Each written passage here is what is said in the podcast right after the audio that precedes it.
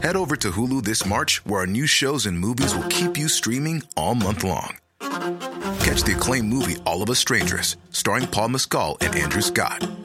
Stream the new Hulu original limited series We Were the Lucky Ones with Joey King and Logan Lerman. And don't forget about Grey's Anatomy. Every Grey's episode ever is now streaming on Hulu. So, what are you waiting for? Go stream something new on Hulu.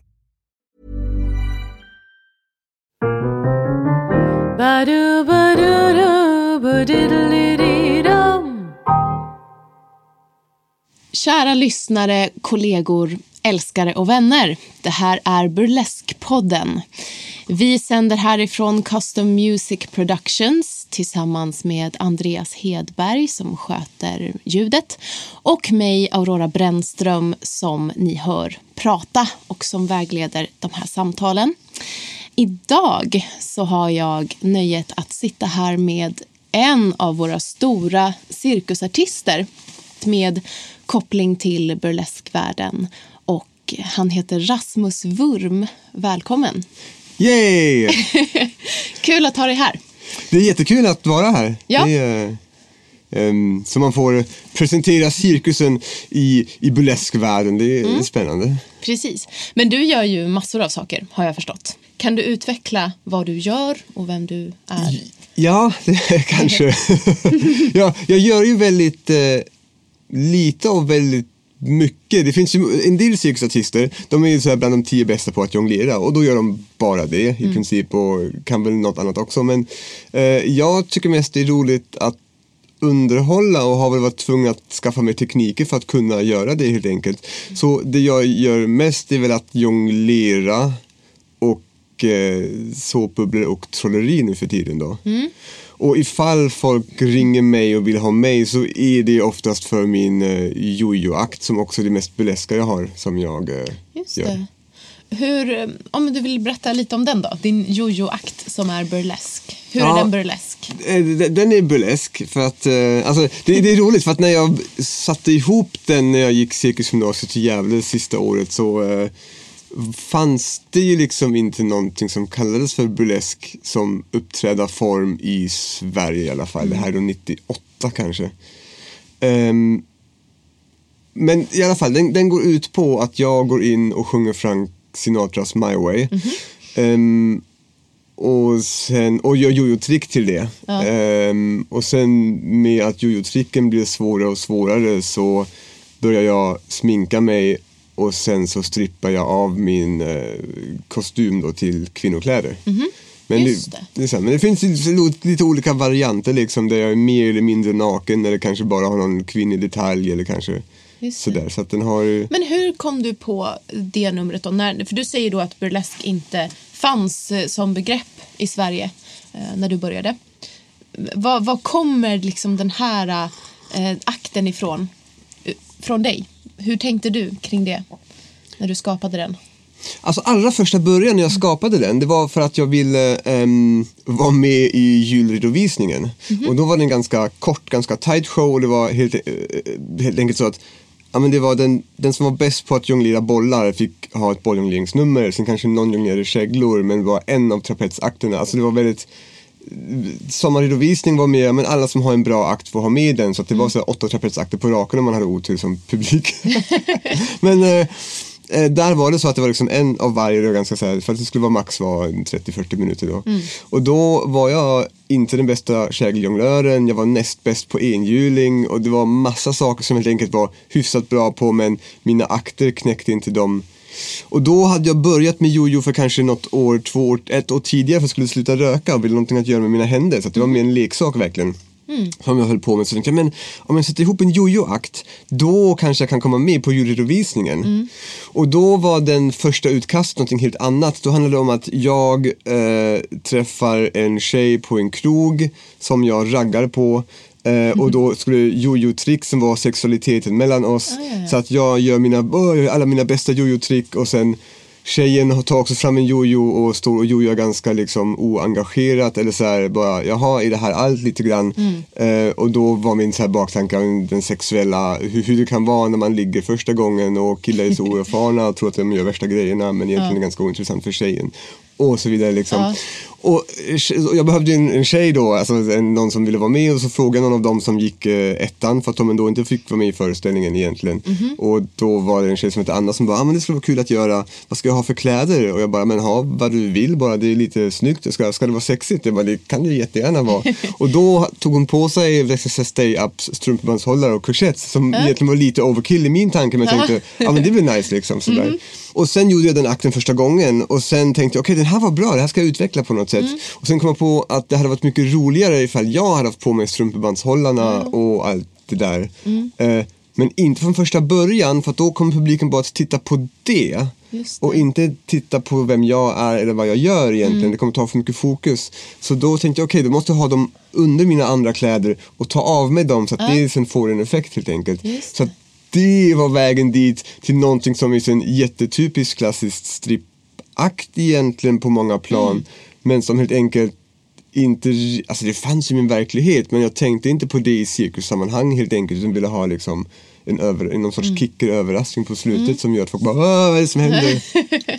Just det. Ja, men vad intressant. Då har du ju verkligen jobbat med liksom, eh, ja, men sexualiteten i, Ja. i det. Men, men eh, nu pratar vi om ett nummer. Eh, är det någonting som du också tänker liksom, genomsyrar eh, andra saker som du gör på scen? Alltså just det här med sexualiteten och det lekfulla kring det. Alltså det är lekfullt, alltså, fan, nej, egentligen inte. Jag tror att jag fick så här utlopp för, för nästan allt i det liksom. Sen har jag ju massa andra idéer. Alltså jag är ju ehm, kanske väldigt, alltså när jag uppträder för en vuxen publik så är man ju kanske ganska ganska dirty för att de gillar det i munnen när man pratar. Jag, jag har ju en akt som heter Juggling around the world och där gör jag ju skämt som, de blir ju snuskiga i betraktarens öga. Men jag gör ju samma skämt för femåringar och de tycker också att det är roligt. Men de kanske inte, de hänger inte med på det, på det sexiga i det utan det är det. de vuxna då och då blir det ändå Vet du, det här är faktiskt en av de sakerna som jag hade velat prata med dig om idag. För att jag, Vad roligt. Ja, nej men för jag vet ju att du uppträder mycket för vuxna, men också för barn. Ja. Eh, och nu har ju liksom, jag har ju sett dig då som vuxen publik. Eh, och då tänker jag att så här, ja men Rasmus Wurm, han är, han är en ganska så här, sexuell person på scen. Och, och jag vet ju att du också uppträder för barn. Och då har jag funderat på, men hur förhåller du dig till det? Hur, vad är det som förändras i det du gör på scen när publiken eh, har en annan ålder? Ehm, ja, hur tänker du kring, kring det? Alltså sexualitet kontra vuxenpublik, barnpublik. Ja. Eh, vad händer med dig? Ja, bra fråga. Ja, mm, eh. Egentligen tror jag inte att det händer så mycket för att jag gör ju nästan samma sak. Det är väl... Alltså, man är ju jag annorlunda med barn? Jag är nog inte, alltså det, nu handlar det om, så, om baktankar. Det, det, jag, står ju, jag, jag står inte med en barnpublik och tänker att oj den här femåringen var ju het liksom. Vilket jag kan göra med en vuxen publik. Eller bara att sådär. Och då har man en annan sorts, kanske annan sorts sug i blicken helt enkelt. Men egentligen så ändrar jag nog inte så mycket på det jag gör. Bara att jag kanske gör lite jag försöker ju vara mer komisk när jag strippar för barn helt enkelt. För att de ändå inte, alltså om de ska börja se det som ett som någonting annat. Och då handlar det om bygge. Jag skulle inte gå in och göra bara jojo-akten på en, på en barnföreställning. Nej. Det går inte. Utan då måste man ju ha någon sorts båge. Att de redan vet att de förstår under föreställningens gång att vad som helst kan hända. Men allt som händer kommer att vara roligt.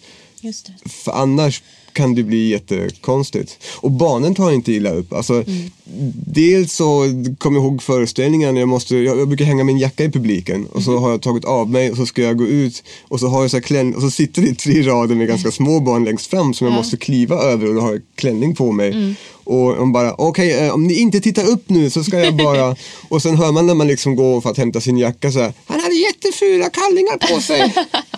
Ja. Sådär. Och det är inte värre än så för att sex, alltså just att det är ju ganska laddat nu för tiden men just därför vill jag att det ska bli lite avladdat för att alltså sex och underkläder och nakenhet är faktiskt inte så, så himla allvarligt egentligen för att vi är ju alla omgivna av det hela tiden och överallt och tycker ju alla att det är ganska spännande för att annars skulle inte sex säljas så bra i reklam och överallt.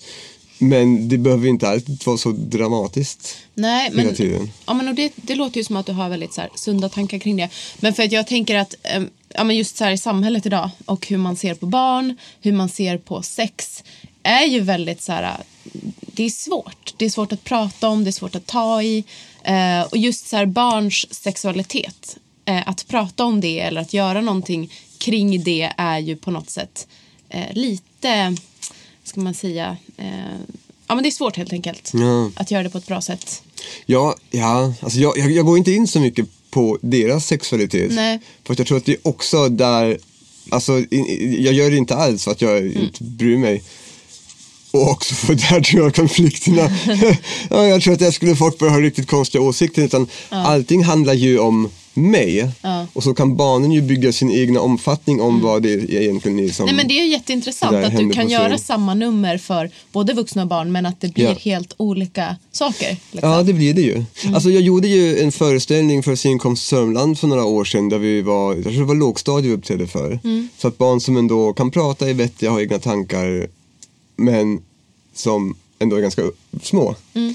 Och det var otroligt ofta, för då är jag en sån cirkusdirektör som är ganska elak mot alla i min ensemble då. Alltså, och är sådär hela så här, så divig och bara styr och ställer och sen på slutet så är det en tjej som då får, får, får bli cirkusprinsessa och då blir jag vill jag också vara det och då gör jag den akten då som avslutning. Och det var flera gånger att killar kom fram och bara var sådär du, du var ju så cool och du var ju så bra, varför gjorde du det där på slutet?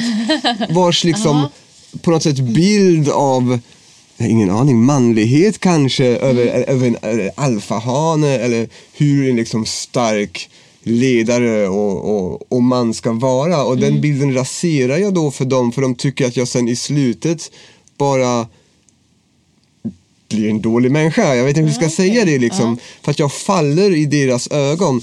Och det tyckte jag nästan var det allra intressantaste liksom. För att det är ju vad ska man säga, kvinnoföraktet börjar ju tidigt. Och det är ju det en del av att de inte tycker att jag är lika cool för att jag går runt i klänning sista kvarten av tio minuterna av en så här, en timmas föreställning. Men hur tänker du då kring manlighet och attribut, ideal? Ah, jag vet inte, jag tror det är fel person att fråga. Ja, men säg inte det för du, du gör ju ändå det som en, en pryl. Liksom, att du crossdressar ibland och det har du ju berättat nu också. ja. Jo, det är sant. Hur vågar du göra det då? Liksom, när du ändå får de här eh, reaktionerna? Jag tror att jag helt enkelt inte tänker så långt före. Och det har nog ofta varit mitt bästa skydd på att göra saker. Um, alltså, jag kommer från en familj med väldigt många starka kvinnor. Eh, jag är den enda födda mannen in i vår släkt. På, på, jag har en svensk och en tysk sida på den svenska sidan. Ehm, och på tyska sidan finns det, finns det en. Och annars är alla andra män ingifta och kvinnorna är de som är familjen. Så att eh, det är väldigt många starka kvinnor. Det är traditionellt också de som så bestämmer i våra familjer. Ehm, men samtidigt är det så på en ganska alltså, bra nivå tycker jag ändå. Uh, vart vill jag komma med det här? Jo, jag vill komma till att eh, så att när mina systrar då gjorde sig, när det var någonting speciellt som hände i skolan på så här, och skulle göra sig fina och då skulle de ha på sig klänning och ha flätor i håret och då ville jag också vara fin och ha klänning och flätor i håret. Och då var jag nog tre eller så första gången jag hade på mig klänningar i skolan helt enkelt. Eller i förskolan då. Just det. Och hur tyckte du att det togs emot? Jag minns faktiskt inte, men jag hade ett samtal med min eh, mamma bara häromdagen eh, som, eh, som handlade om att min stora syster då tyckte det var så jobbigt att de andra barnen var elaka mot mig. Fast jag hade på mig det. Men, men jag minns inte det som en sån händelse helt Nej. enkelt. Eh, och sen vet jag att jag aldrig har brytt mig så jättemycket. Eller jag, jag har väl använt mitt utseende till att ehm, kunna synas mer helt enkelt. Alltså, eh, oh wow, sen har jag en annan period faktiskt när jag, ehm, när jag Alltså när jag lämnade sjätte klass i Tyskland då och då delas man upp till de tre olika skolorna. Då hade den skolan något, något halvår senare en stor fest och då gick vi dit och då var det så här, de hade så här någon sorts karaoke-tävling och då körde jag eh, eh, eh, eh, vad heter de? Eh, Rocky Horror Picture Show, I'm just a sweet transvestite. Och då råkade jag också ta av mig kläderna. Då var jag transvestit och då råkade jag också ta av mig kläderna liksom. Och stod där liksom bland eh, 300-400 i publiken som min gamla och några av min nya skola då. Och sådär, "Ah, ska jag ta av mina badbyxor här nu eller inte? Det var så svarta badbyxor så att de såhär, ska jag ta av dem här nu eller inte? Och så bara så stoppade de- som arrangerade mig, annars eh, vet jag inte vad som hade hänt. så här. Och då var det ju jättemånga som också kom fram och bara, ah, så himla modigt, för hur gammal var jag då? 12, 12 var jag kanske då, möjligtvis 13. Ehm, och kom fram och, ah, det var så otroligt modigt, ba, ba, ba. Och för mig var det inte, jag hade mest bara roligt. Så det handlade inte alls om att, att på något sätt behöva vara modig. För modig måste man ju vara när man gör någonting som man egentligen inte är bekväm med. Men jag har fått så gott självförtroende med mig hemifrån så att jag har ju just när det handlar om att göra saker på scen eller att synas, alltså att folk lägger märke till en. Det har jag aldrig haft något problem med utan kanske till och med uppskattat liksom för att jag hellre jag är hellre någon som syns som folk inte gillar än att vara någon som inte syns och som folk inte har någon uppfattning om. Intressant. Men det, för det var det jag tänkte också när, när du började ditt resonemang. Du, för en kvart sedan. för en kvart sedan. Eh, Nej, men att du måste ju ändå ha fått en, en väldigt bra liksom, grund eh, självkänsla hemifrån då. Ja. Som har gjort att du har kunnat göra det. Nej, men även som barn så märker man ju när andra barn tycker att man är konstig. Eller så här, jag, jag kan i alla fall se det med mig själv. För jag, jag känner jättemycket igen mig i det du säger. Jag var också en sån här typisk, eh, inom situationstecken, clown. Som var på alla så här, roliga timmen och gjorde massa grejer. Och hade jättekul och så här. Men, eh, och då hade man ju liksom allas attention och det var jättekul. Men att så här, i andra situationer så kunde man känna så här att de också tyckte att man var den där personen privat. Och att där vet inte jag om jag känner som du beskriver att det var så lätt att bara må bra i det liksom. Jag har ju egentligen alltid haft, vad ska man säga, inte så långt mellan det jag gör på scen och det jag gör privat. När jag väl började stå på scen på riktigt så att säga, alltså när jag började uppträda med saker lite mer och mer. Jag tror att jag helt enkelt var väldigt konstig men ändå cool. Och att jag ändå var så älskvärd så att folk ändå ville vara kompis med mig. Eller så hade jag förmågan att kanske vara kompis med... För jag hade en period faktiskt, eh, ska vi se, andra, tredje, fjärde klass kanske. Där jag var ganska mobbad och hela tiden att massa killar ville slåss med mig hela tiden. Och jag kom alltid hem med så här söndertrasade byxor. Och jag var ju jagad på skolgården också och det var ju en ganska jobbig period men det finns ju alltid två vägar att gå. Och jag tror att trots att jag var mobbad och typ så här, halva klassen jagade mig och ville slå mig på skolgården så såg jag aldrig mig som ett offer helt enkelt. Utan jag, jag har ingen aning, jag eh, tyckte ändå att jag på något sätt jag vet ingen bra formulering, jag är på väg att säga var roligare än dem men eh, det kanske helt enkelt, jag hade inte med det att göra heller liksom. Det var bara att det på något sätt var en period och sen gick den över och då lyckades jag vända min konstighet att det helt enkelt var att jag var konstig men folk tyckte jag var bra. Men ja, och det kan jag också liksom känna igen. Alltså inte för att jag, jag har inte varit mobbad så jag kan inte liksom relatera till det. Men, men just det här att eh, ja, men känna sig lite udda. Så här. Ja. Och att inte, göra, att inte låta det definiera en som person på ett negativt sätt. Ja. Eh, för det låter ju inte som att det har gjort med dig. Nej, jag tycker inte. Ja, hur mycket Rasmus som liten finns kvar i Rasmus som vuxen? Eh, 12,4 procent. Förutom när jag är full, då kan det bli 36. Aha. Jag vet inte, det känns som jag har haft en period där jag har varit väldigt disconnectad från den jag var, där jag kommer ifrån och nu när jag har fått ett eget barn så eh, är det på väg tillbaka att jag får mer och mer kontakt igen med den jag är och var en gång. Och jag, måste, jag får i alla fall mycket bättre kontakt med mitt eh, känsloliv igen kan man ju lugnt säga. Sådär. Det är sinnessjukt vad man kan gråta åt så fort man har fått barn alltså. Jo, jag vet. Jag var ju redan relativt mesig förut men eh, nu slår ju alla höjder liksom. Man bara, "Åh, Flipper har fått mässling. Ja. Nej, men för jag tänker ju att du som artist också är väldigt ehm, ehm, så spontan och lekfull, eh, är mitt intryck. eh, Ja. När jag har sett dig. Ehm, Det, det är väl för att jag är dålig på att få klart saker. Eh, alltså redan när jag gick eh, min utbildning så eh, var det ju ofta så att jag kanske hade en jättebra idé redan första dagen vad jag skulle göra. Sen väntade jag, och vi hade två veckor på oss, sen väntade jag 12 dagar kanske med att göra någonting åt den där idén. Eh, sen testade jag saker i en timme och sen köpte jag sakerna och sen hoppades på att det skulle gå bra, det jag tänkt mig. Eh, istället för att verkligen ha eh, ett manus eh, och jobba igenom det från första början helt enkelt. just det, och så blir det vad det blir på scen. Ja, lite så och det är väl inte, alltså det är roligt för att det, det, det har i och för sig också gjort att jag kan ju ta en akt som jag har gjort 500 gånger och det kan fortfarande kännas som första gången. Just det. För att jag är inte, jag har inte perfektionerat många saker. För att jag gillar faktiskt när olika saker går åt helvete vid olika tillfällen.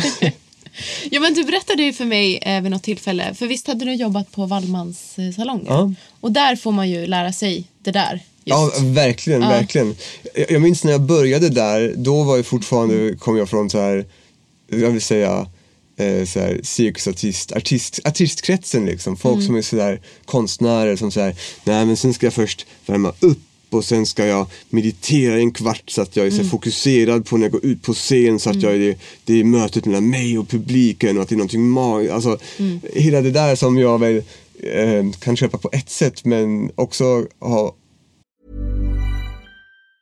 Say hello to a new era of mental health care. Cerebral is here to help you achieve your mental wellness goals with professional therapy and medication management support. 100% online. You'll experience the all new Cerebral Way, an innovative approach to mental wellness designed around you. You'll get a personalized treatment plan from a therapist, prescriber, or both in a safe and judgment free space.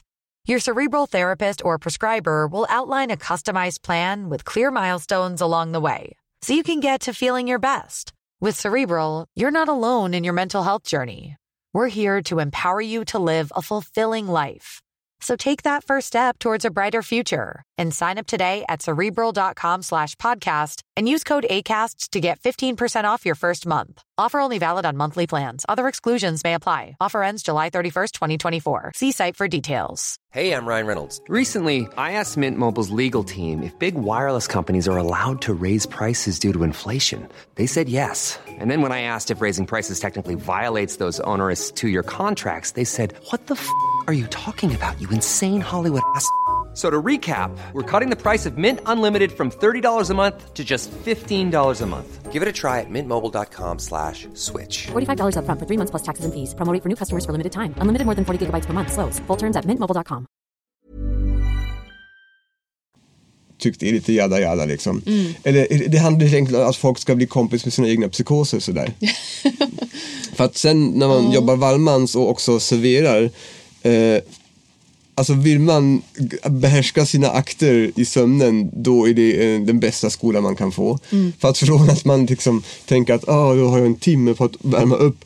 Så gör man sådär att man, okej man värmer upp när man kommer, sen dukar man sina bord och sen har man bytt om och står där och så, och så bara, ah vänta, det det, det är jag om tre minuter, jag måste hämta mina jojos. Och så går man ut med de sista ölen, ställer ner två glas vin och de beställer man bara, vi tar det strax. Och så springer man upp, bara river av sig förklädet, hugger sina jojos och går in på och börjar. Och då får man en vana också att bara kunna leverera även när man inte känner för det. För att hela det andra är, alltså, är en ritual av att åh, nu måste jag ha rätt feeling så jag kan göra bra ifrån mig.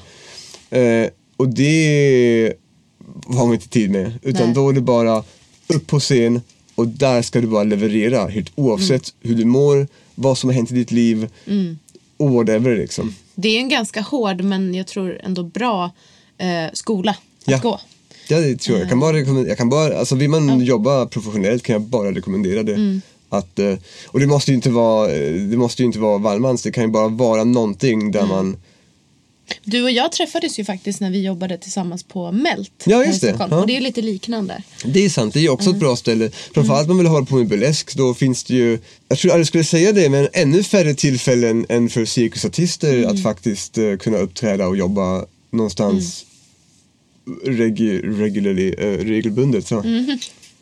Det är okej att I'm a- switcha. yes, I want to be a bit international. Okej. Alltså, Talk German then.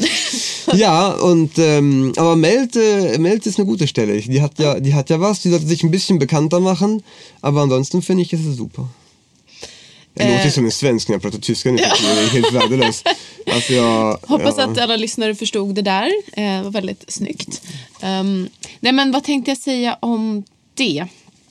Eh, jo, men precis att det är en bra skola. Men sen så pratade vi, gick vi in på Melt och då tänker jag precis det här med cirkusartister eh, versus burleskartister. Hur, du som ändå liksom är utbildad cirkusartist, hur skulle du säga liksom att, att eh, den generella eh, cirkussfären eh, eller så här, cirkusklientelet, artisterna ser på Eh, att det nu också finns ganska många cirkusartister som rör sig mot burlesk eller så här, lite mer sexualiserade eh, akter. För jag tänker det kanske inte är cirkusens eh, grund, eller? Har jag fel? Jo, det, det beror ju på från vilket hörn av cirkus man kommer. Om man kollar på freakshowsen så finns det ju verkligen sexualisering. Och som då är alltså svenska varietén så att säga. Då finns ju sexualiseringen verkligen med.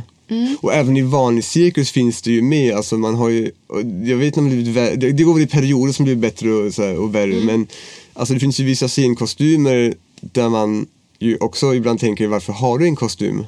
Och då är det inte så att de på något sätt säger att jag är snuskig utan det är bara så att, amen, alltså när man har kollat på Cirkusprinsessan när den höll på vissa år så har man ju också tänkt att man bara och det är ju också, alltså en string är ju sjukt praktisk om du ska ha, splitta mycket. Alltså har du alla, alla andra sorts trosor som inte kanske går ner en bit för benen då kommer ju att korva sig, se konstiga ut och så vidare. Så att för folk som är trapetsartister som ska stå på händer och splitta, som är akrobater, så är ju eh, en string helt enkelt oerhört praktiskt liksom. Så att det är inte konstigt att folk som rör sig akrobatiskt på scen traditionellt har sådana kläder. Nej, För att det har ju balettdräkter också egentligen Ja. Mm. helt traditionellt och så har de en tutu över så man inte ser rumpan hela tiden. I Precis. princip sådär. Men för det är där jag har tänkt liksom att eh, om jag bara så här går till mig själv och så tänker jag så här, hur, hur ser jag på cirkus? Då kopplar jag snarare ihop cirkus med kanske så här konståkning och eh, ja, men ballett. Eh, vad kan det vara mer? Så här, dans, du vet så här, pardans. träningsnarkomaner. Träningsnarkomaner. Nej men just klädmässigt. Ja. Eh, att det är lite mer så här show på något sätt. Att, och att det inte är så sexualiserat. Eh, Nej, det är på det ytan. Ja, nej, det är det verkligen inte. För det Ehm. handlar ju om, det handlar ju om, cirkus handlar ju väldigt mycket om konstformen egentligen. Mm. Det handlar ju om att ja, men jag kan göra en trippelsalto Mm. baklänges och landa på den här hästryggen. Men inte om jag har för mycket kläder på mig. också. Ja. Exakt, det är ju alltså, det är ju tradcirkus med alla djur. Det är ju egentligen ganska värdelöst för djuren så. Ehm, så det behöver vi inte gå in på. Men om vi helt enkelt om man har liksom någon som ska och också parakrobater, alltså 200 gram kläder kanske inte låter så mycket men ska man lyfta och kasta någon och göra verkligen och, och, och vara på det mest extrema man kan göra. Mm. Man bara, okej, med den här höjden vi kan uppnå så kan vi lyckas få in så här, en dubbelvolt här. Mm. Eh, men kan du banta ner det 500 gram och så Mm. tar vi material så att det blir så här, 300 gram mindre kostym Mm. och då har vi 800 gram som vi sparar och då kan vi faktiskt klara det. Mm. Och det finns ju, alltså, jag vet inte om folk verkligen räknar så för att jag, Nej. det var för länge sedan jag höll på men det finns ju definitivt folk som behöver få bort några hundra gram här och där. Ja. Men gud, då låter det verkligen som att det är så här vikthets. Det är det nog ganska mycket. Det är nog eh, stor vikthets och vissa Vissa måste ju. Alltså, Det finns ju, är man jonglör är ju skitsamma vad du väger. Då handlar det bara om att du kanske vill vara snygg eller vad vet jag. Att du vill vara smal. Jag har ju inga problem med det. Jag är på en strikt semmeldiet nu av två semlor om dagen för att jag inte ska bli ännu smalare. Ja. Att, ehm, men, ehm, men är, är man parakrobat eller ska eh, så, fly, flyga och göra akrobatik överlag då, bli- för att, jag menar inom, för att alltså cirkusartister är ju elitidrottare. Det är egentligen ingen skillnad bara att de, och det finns ju också många som är el- elitidrottare men sen hellre vill stå på scen eller när de är klara med elitidrotten så vill de stå på scen för att kunna tjäna pengar Just på det. det. sättet. Så att det är väldigt närbesläktat och det är helt enkelt ett område där jag inte alls kommer ifrån för jag Nej. kommer ju mycket mer från så här hippie, åh vad kul att jonglera världen och man lär varandra saker och det är så här Mm. En st- enda stor familj. Det är mycket mer den där jag kommer Ja. ifrån. Men de här akrobaterna, det är ju inte, det är väldigt mycket där och det är väldigt mycket vikthets Mm. för att det spelar väldigt stor roll. Men jag har varit på gig med ett par akrobater där flyern då så här frågar botten, är det okej med att ta en dessert idag? Ja, just det. För att det är botten som måste lyfta Mm. det liksom. Ja, men precis. Och, och, men jag frågar bara och jag försö- för att jag vill försöka förstå det här. Liksom. Eh, Jag har inget svar! Nej, men det är så svar. roligt. För att jag, jag har ju sett dig uppträda och jag har ju sett många andra cirkusartister uppträda i burlesk-sammanhang. Och Ja. man förstår ju så här, men gud vad det här passar in och vad det, är så här, det breddar hela burleskscenen och det är amazing. Men man kan ju också se cirkus ur det här andra perspektivet. Med det, det du pratar om nu, parakrobatik och eh, annan akrobatik med de här typiska kläderna som du säger. Eh, liksom att koppla ihop det med annan typ av akrobatik som också är eh, väldigt så här, elitidrottaktig men som så här, på något sätt touchar sexualiteten på ett ganska ytligt sätt. Typ eh, konståkare som kör Ja. paråkning. De är ju, det är ju sexigt fast det är väldigt så här med typ glas, en så här imaginär glaskant mellan. Tycker jag utifrån sett. Samma sak såna här pa- pardansare. Kanske inte typ Mm, flamenco men så här vals och foxtrot och du vet de där. Ja. När man också har den typen av kostymer. Eh, och där är ju en väldigt stor skillnad liksom, mot det du gör och andra cirkusartister gör i en burlesk kontext. Eh, ja. Ja. ja men eh, säger jag någonting konstigt eller känns det som att jag för jag vill Nej, det förstå. finns ju någonting där. För att det Ja. finns ju såklart i, för att det är ju kroppar som rör sig och alltså jag menar, det är ju nice. Jag menar parakrobater, de är starka, de är vältränade. Det, är, Mm. det är ju snyggt att se och jag menar snygga kroppar i rörelse tror jag det finns väldigt få som inte gillar att titta på. Så Mm. det kanske finns massa folk som inte erkänner det så. Men ehm, så det finns ju och sen kollar man liksom, och sen är de ju också gärna ganska viga och det är Mm. ju också nice. Jag menar Är du vig? Ah, Åh, jag minns när jag var ung. Och, jag har nog aldrig varit riktigt vig. Jag har varit mycket vigare. Men Mm. jag har alltid varit riktigt dålig på det faktiskt. För att jag har aldrig haft det som ambition. Nej, nej, det är ju inte det du gör. Jag var ju akrobat ett tag och jag var lite luftartist ett tag. Men det var mest um, Alltså parakrobat har jag nog varit ganska duktig eh, och uppträtt med. Men problemet är att sen mina partners drog till olika skolor och ville göra andra saker. Så då hade jag plötsligt var jag själv och hittade ingen att jobba med. Och då började jag med saker som man kan göra själv. Sitta ensam i badrummet och trolla. Men det är väl jättebra, då kan ju du ta vilka gig som helst egentligen. Ja, nästan. Ja. Ja, nästan. Men jag, alltså, jag har ju ändå så att jag som gammal ordning då är hyfsat bra på det jag gör men orkar inte jobba de sista 20 procenten för att vara helt höra hemma i en viss grupp. Liksom. Att jag på något sätt är alltså, den, den, eviga underdog i de olika, i de olika konstformerna för att jag gör det ändå men inte kanske så bra som, som de som gör det på riktigt. Samtidigt så gör jag så känner jag att jag är, mitt underhållningsvärde är väl det jag har Mm. på scen. Att jag kan, mitt mål, så här, Mm. mitt mål är ju, för att det såg jag redan för länge, länge sedan med, i Cirkus Nation då, är att de här riktigt gamla artisterna, Mm. de går ut på scen, de gör egentligen ingenting. Men de är sjukt roliga och underhållande och folk bara älskar att se dem. Och då tänkte jag, okej, så där ska jag bli. Jag ska gå ut på scen, jag ska inte, inte behöva göra någonting. Men jag behöver ju någonting att göra så att jag har någon anledning att gå in på scen. Och sen ska jag bara lyckas så hålla publiken genom att vara intressant utan att behöva göra någonting. Spännande. vad, vad är det du gör då? Det vet, det vet jag inte. Det, jag tror inte jag kan eh, sätta fingret på utan det är bara att Det är bara att känna kontakten med publiken. Och det är också en sak, på tal alltså, om Wallmans, att gå tillbaks dit som jag fick uppleva där. För att när jag jobbade då, man har kanske då 500-700 personer per kväll. Två månader i sträck innan jul eller så, när det verkligen är mycket. När man har det där att det är därför pauserna finns i min jojoakt. Eh, Jag hade ju livepianist då så man kunde ta pauser lite när man ville. Det var ju den där lyxen.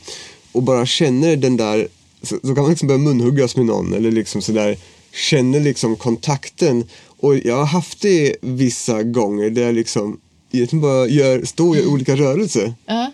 Och folk skrattar så det känns som om liksom jag har liksom olika publik på mina fingertoppar och vi hänger liksom ihop. Och man kan liksom bara ja, men jag duttar lite där och så tycker de det är kul. Och jag gör ju någonting. Men då, då måste det vara att du använder väldigt mycket av din så här, mm, energi på något sätt. Eh, Din scenutstrålning. Eller vad, Ja. vad är det? För det måste, ju, det måste ju vara någonting som kommer ifrån dig då. Ja, det är väl, jag skulle säga utstrålning då helt enkelt.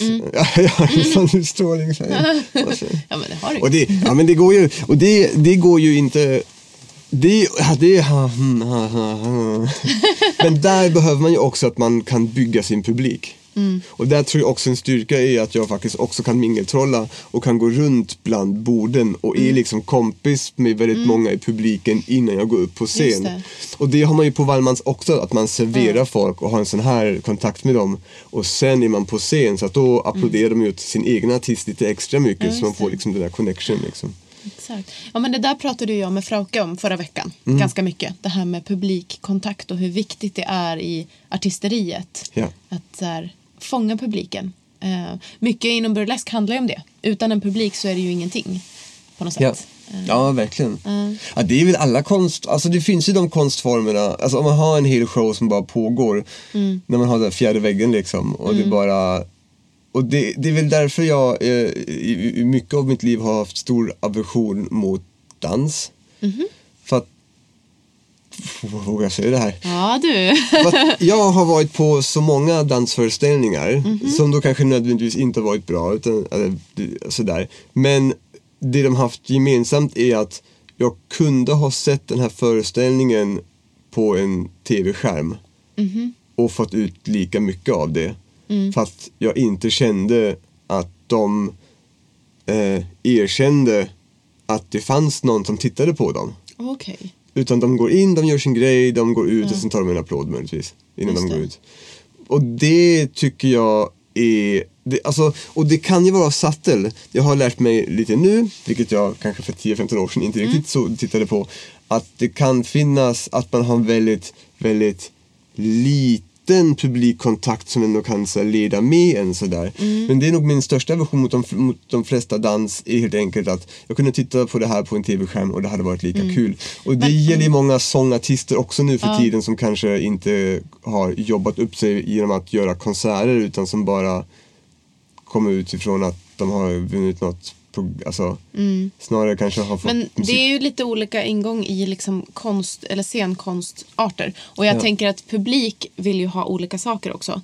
Eh. Jag skulle nog ändå säga att publik som kommer och ser burlesk generellt är en annan publik än publik som går och tittar Tack på... och lov. Ja, men, och det är väl superbra liksom.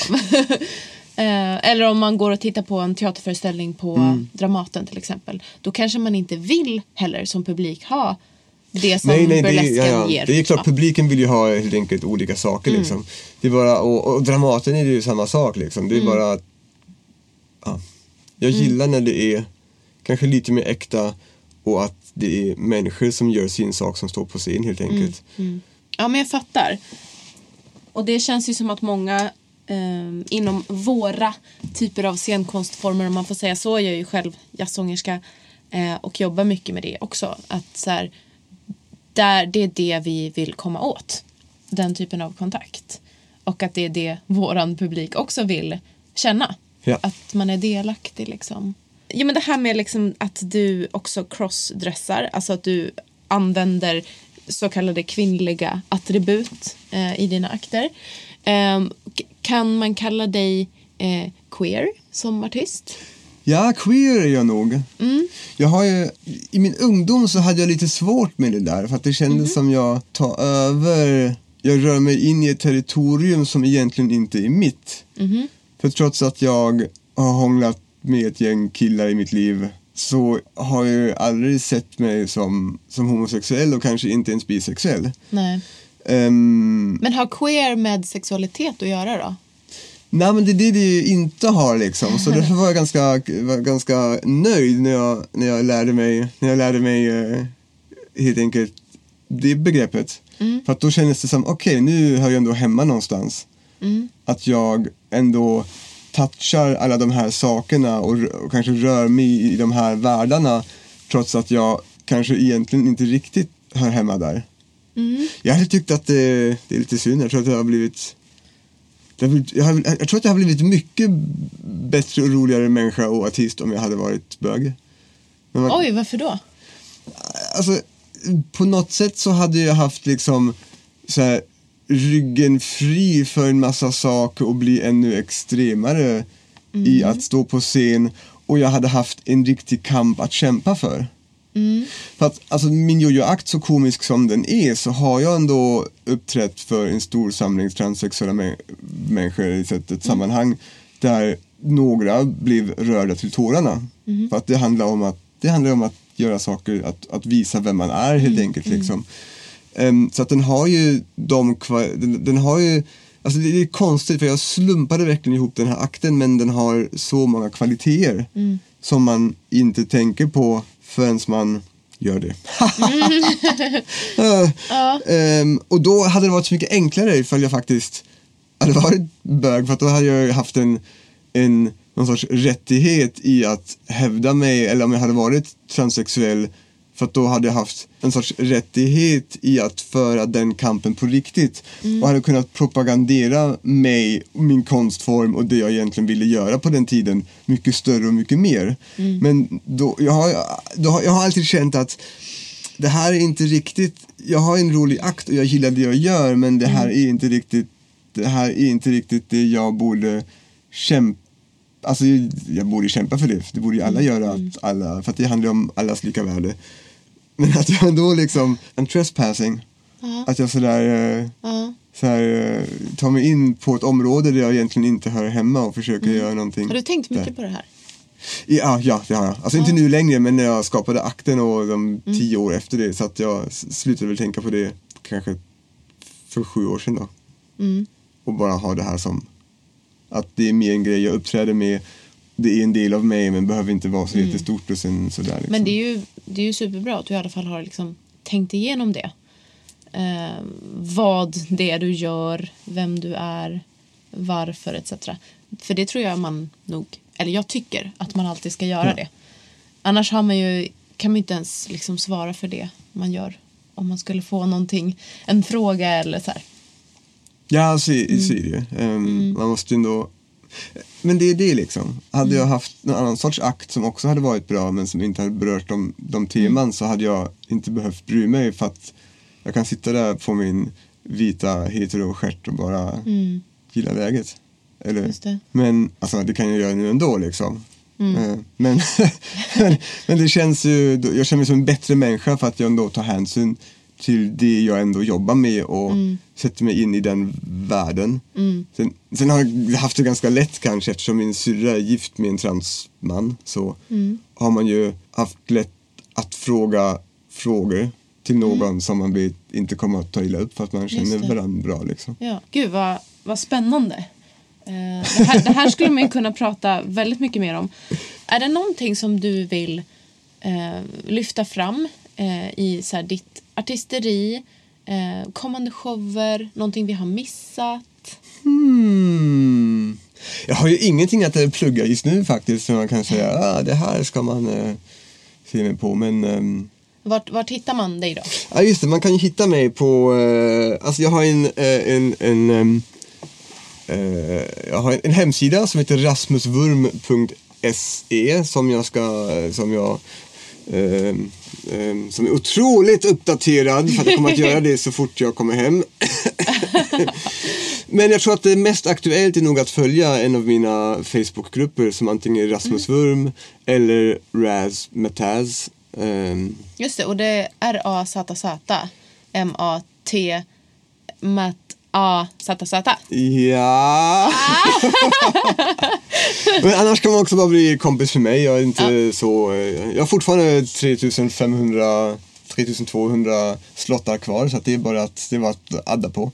Ehm, Just det, det blir det är en limit på det där. Ja, det är 5000 men jag vet att förut, för att jag hade ett gammalt Facebook-account där jag Mm. Nästan var på gränsen och då hade jag redan kollat att man, om man lägger sitt account vilande, Mhm. sen när man tar upp det igen så börjar räkna den om. Så att det finns sätt att, eh, att Mm. Det. starta om det. Smart. Jag vet inte om det fortfarande funkar, de gör ju om koden lite hela Mhm. tiden. Facebook är ju aldrig Facebook, jag menar.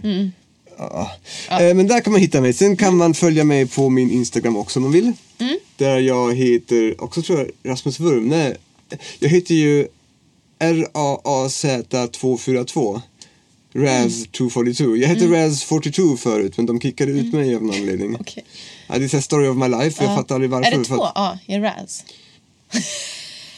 Jag måste nästan dubbelkolla det. Eh, men jag har en rolig Här, här har vi en snubbe som har koll, som vet vad han gör.